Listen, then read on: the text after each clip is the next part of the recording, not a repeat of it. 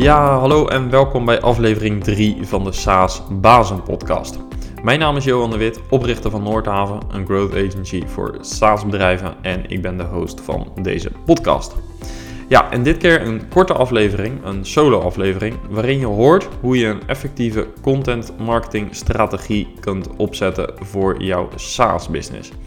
En ik richt me daarbij niet op het hele traject van strategie tot uitvoering, maar op specifiek één onderdeel binnen content marketing.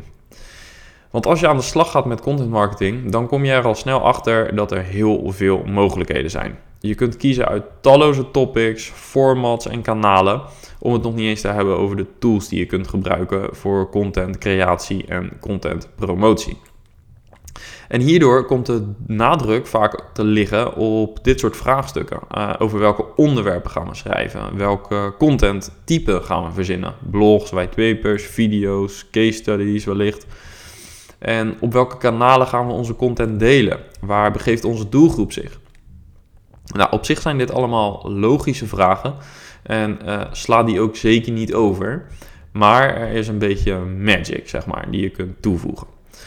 Uh, want zoals iedere marketeer wel weet, doorloopt iedere klant een bepaalde klantreis. Of je nu het bekende AIDA-model gebruikt of een wat meer eigen tijdse variant, in feite zeggen ze allemaal min of meer hetzelfde. Je potentiële klant komt er op een bepaalde manier of op een bepaald moment achter uh, dat hij een probleem of behoefte heeft.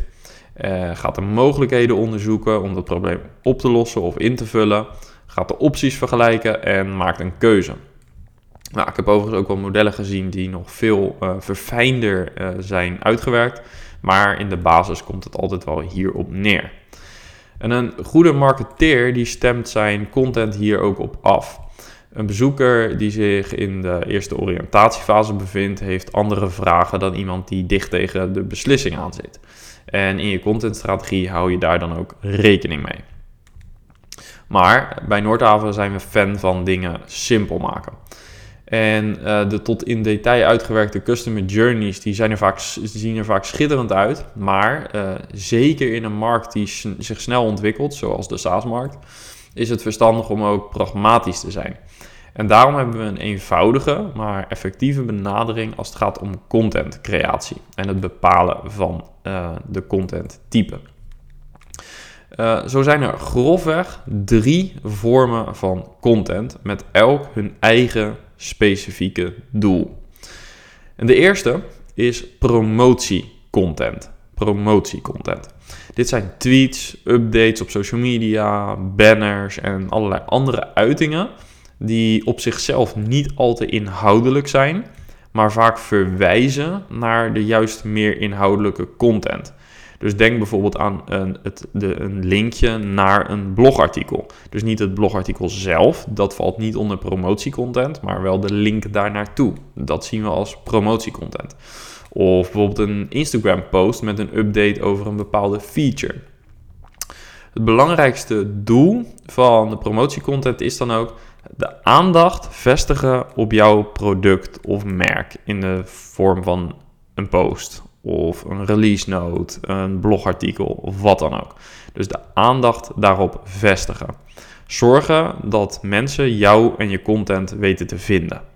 Maar heel belangrijk, dit is niet zogezegd de cornerstone van jouw contentstrategie. Dat is de volgende.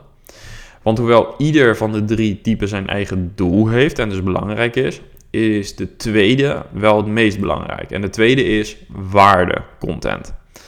Dit zijn de inhoudelijke, sterke artikelen of video's die openbaar beschikbaar zijn en echt waardevol zijn voor de bezoeker. Het zet de bezoeker aan het denken, het geeft nuttige informatie, inzichten of kennis. In feite is dit het hart van je contentstrategie. En zeker als je werkt op basis van een educate-based marketing strategie, waar wij enorm fan van zijn, behoort zo'n 60% van de content tot deze categorie. Of moet je 60% van al je inspanningen richten op het ontwikkelen van deze categorie. Waardecontent dus. Want het delen van sterke waarde, uh, ja, waardecontent brengt je in een positie van autoriteit en vertrouwen. En zeker in de SaaS-wereld, waar je veelal een online transactie of sign-up hebt, is het belangrijk om vertrouwen te winnen.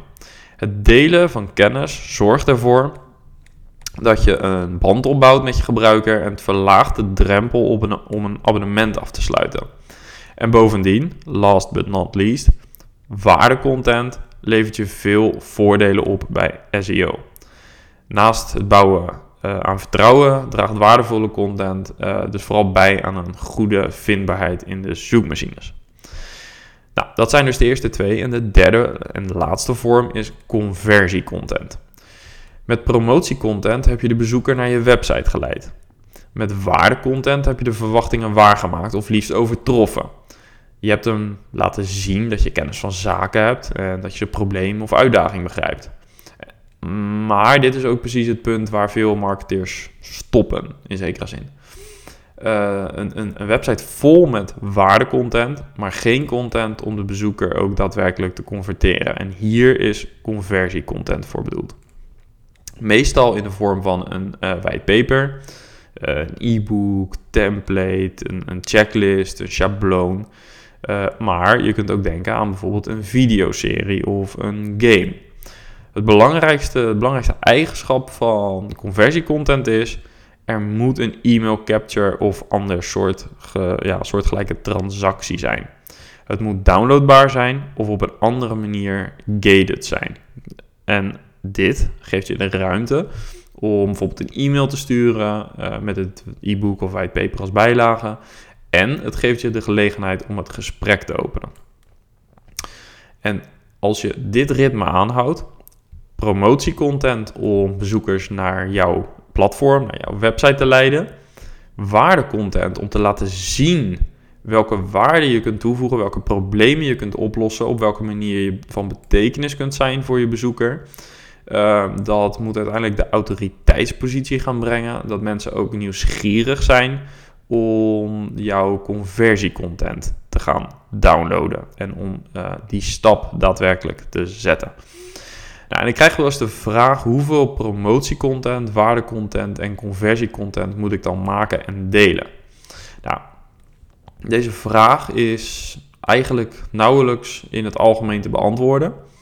Maar als ik me er toch aan moet wagen, dan is voor veel SaaS-bedrijven in met name de start-up fase de volgende vuistregel wel van toepassing.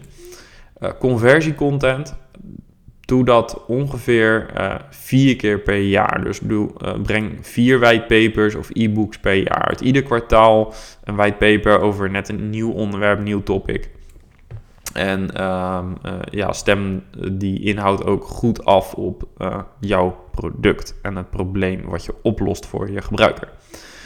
Waardecontent uh, het advies is hier over het algemeen om minstens één in-depth artikel per week te publiceren. Uh, dit zou echt de, wat ook wel evergreen content genoemd wordt, zou echt wekelijks wel gepubliceerd moeten worden promotiecontent heeft een hogere frequentie en um, in de regel 3 tot 5 updates per week, verdeeld over verschillende social media kanalen bijvoorbeeld. Uh, een aantal op LinkedIn, um, met name de wat meer inhoudelijke post. Je kunt denken aan een Instagram account om daar uh, ook regelmatig wat uh, behind the scenes plaatjes te delen.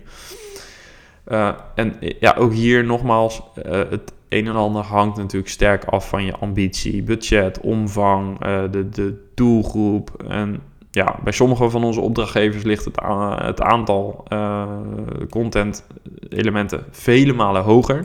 Terwijl andere SaaS-bedrijven aan één conversie content item per jaar al voldoende hebben om de doelstellingen op het gebied van lead generatie te behalen. Dus ja, keep that in mind. Het kan dus erg verschillen afhankelijk van jouw doelstellingen en ambities. Nou, tot slot nog een pro-tip die ik uh, meestal ook meegeef uh, als het gaat over dit onderwerp. Gebruik een CRM-systeem als basis voor jouw marketing of uh, content marketing en koppel je campagnes en website hieraan. Op die manier kun je zien, mits je het juiste CRM-systeem kiest en het ook goed inricht, kun je zien wat de personen in jouw CRM-systeem aan transact of aan interacties met jouw content hebben gehad of met jouw andere uitingen. Welke pagina's hebben ze bezocht? Welke promotiecontent hebben ze geklikt? welke waardecontent hebben ze gelezen en welke conversiecontent hebben ze gedownload. Op die manier kun je weer vinden, kun je achterhalen welke content het meest waardevol is en het best aansluit op de behoeften van je doelgroep. Nou, op het moment dat je deze uh, drie contenttypes gaat differentiëren en die goed op elkaar gaat afstemmen, dan zul je zien dat de conversie omhoog gaat, omdat je ze eigenlijk op een veel logischere manier en op een hele bewuste manier stuurt naar dat moment. Nou, heb je nu hulp nodig bij het opzetten van een contentstrategie of heb je een andere vraag over SaaS marketing? Laat het me weten via, de, uh, via het mailadres podcast@noordhaven.nl. Want elke week kijken we naar nieuwe vragen die binnenkomen en uh, ja, we gaan daar ook in de toekomst nieuwe afleveringen over maken. Of er is ook een kans natuurlijk dat we persoonlijk contact met je opnemen om je verder te helpen. Nou, wil je liever echt direct aan de slag met ons team SaaS marketing specialisten? Laat dan een bericht achter via onze website noordhaven.io of stuur mij een e-mail op jedewit.noordhaven.nl. Dat was het voor deze week. Dank voor het luisteren. Tchau!